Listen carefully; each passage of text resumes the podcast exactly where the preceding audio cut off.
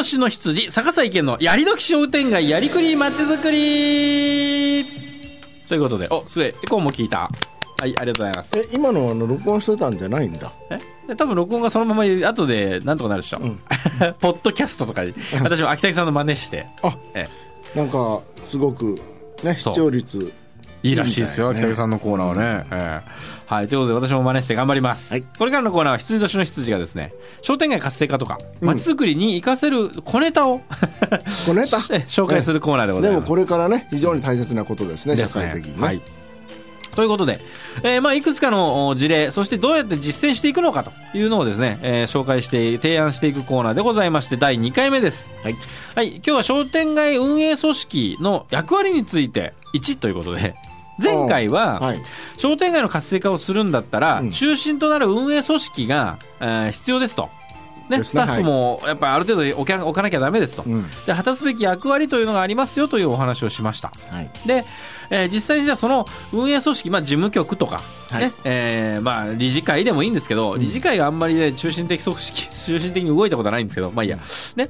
えーそういう人たちは具体的にどのようなことをしていく必要があるのかということを考えていこうというのがこの第2回でございます。やっぱり分業したりね。そうなんです。やっぱ専門職がいないと辛い面はありますね、はい。で前回、商店街の果たすべき3つの役割と商店街の事務局、はい。運営組織が果たすべき3つの役割って言いました、えー人を集めてくること。それから個展の経営を支援すること。はい。そしてそのために事務局機能をきちんと維持することとはい。言いました。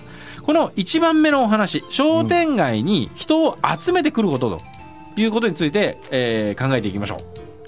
まずもってですね個展に魅力がないから商店街にうちの商店街にはお客が来んのやと。商店街の責任じゃなくてね、うん。これ個展の責任やと言って、うん。以前に、えー発言したある商店街の役員さんがですね、これ商店街の世界でも非常に話題になりまして、あそうなんだ、うん、波紋を呼んだ言語道断ですっていう、ね ええ。古典さんの協力や共同があって、うん。さらに組合費いただいて成立している商店街であったり、商店会であったりする以上、はい。古典の魅力を高めたりとか古典が頑張れるようにうん。お客さんを呼んでくるというのはこれは何やらんでも商店街運営組織の役割なんですね。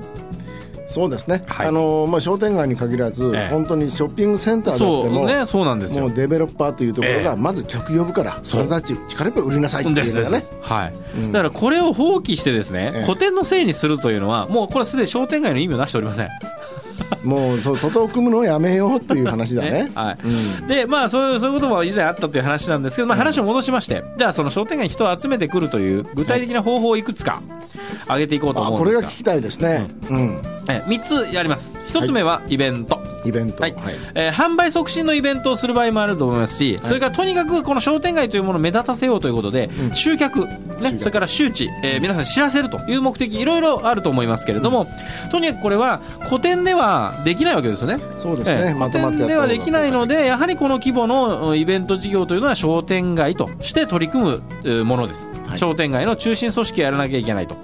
ええ。でただですね、まあ、いずれまた紹介しますが何でもかんでもやみくもにイベントやればいいっちゅうもんじゃないわけです。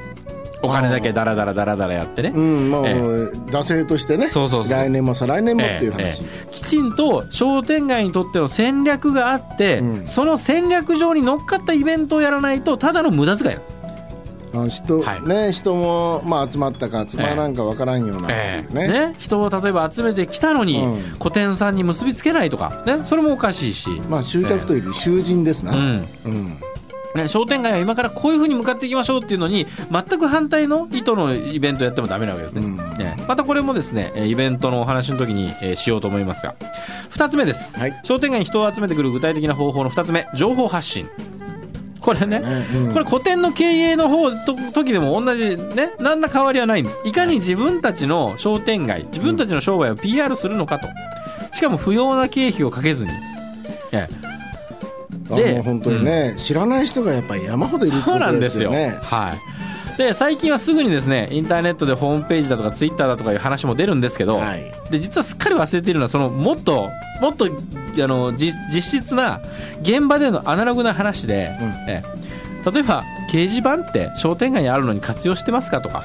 大体白板になってますね。ね、ええ。お お店がどこにあるのか、うん。商商店街に来た方の今自分はどこにいるのか、うん。ね、マップはありますかそうね、ええ。そういうサインがない、ね、そう、何々をしますという告知のポスターはきちんと出してますか、ね、うん。商店街の中で快適にお買い物をしていただけるような基本的なサイン、今ね、えー大統領が言ったように、うん。それちゃんと整備してますか、今何しよるんってね、はい。はい。おお客様が聞かれて初めて、そう、えっと事務局に聞くという、うん、その場で答えられないみたいな、ね。そうなんですよ。うん。だから情報発信、外へ外へってやるのもいいんですが、はい。その前にまず足元をしっかりしてくださいと、それから情報発信、ね、しかも、うん。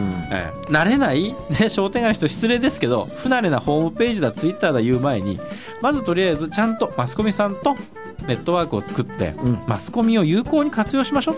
それが一番大きいですよね、はい。あのパワフルです。そう。うん。ね活性化事業をするときにはやっぱりねマスコミさんの協力なくしはできないわけでこれをどんな風にやるのかというのもいずれまた、えーコーナーを取ってご紹介をしていきます。はい、はい3つ目です。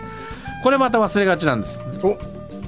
お店とのつながりをきちんと作ることはーい。すぐにね、ええ。あの売り上げにつながらない気がするようなことですけれどねも、、商店街に人を呼んでくるために、ええ。実は商店街というのは個展の集まりです。うん。その個展が個々のお客様とつながってるわけですね。はい、はい、ということは商店街が何かね情報を発信しましょうとか、ねうん。商店街の魅力を伝えましょうと言ってもそれはお店を通じて個々のお客様に伝わるのが一番太いルートなんですよ。あお店がデリバリーをしてくれるわけですね。そういう思いとかね、はいで昨今の商店街活動の中では一番実はこの手薄になってるのが、運営組織と個展とのつながり、あーコミュニケーションってよく言われますけれども、はい。それがもう分断されてるんね、もう会費もらうだけとかね、うんうんうん。ええ年に1回の総会やるかやらないかぐらいですよ、うんうん。ね。ええで実は古典とのつながりを日常的に大切していくということがですね、実はものすごい情報発信の、それから、えー商店街に人を集めてくる場合の鍵になるんです。うわこれはですね忘れられがちっていうかよく無駄話はしてますけどねそうそう通路でそう。そう、え通路でよく喋ってる。私たちよく喋ってるよっていうそうじゃないっていうね。はいね、ということで、うん。その今3つ言いました。イベントと情報発信と、それからお店のつながり。ね。えこの3つをですねしっかりやっていって商店街に人を集めてくると、本当にそこで基盤を作る土台を作るってことがねはい。大切なんですね、はい、ということでございます。さあ今後ですね今紹介しましたそれぞれの項目、うん。イベントだとか情報発信だとか、はい。お店とのつながり作り、はい。こういうものについて一つずつ回を追って紹介をしていきもっとます深く掘り下げていくわけですね、以上やりどき商店街やりくりまちづくり第2回目でございました。商店街活性化アドバイザー羊年の羊坂井健でした。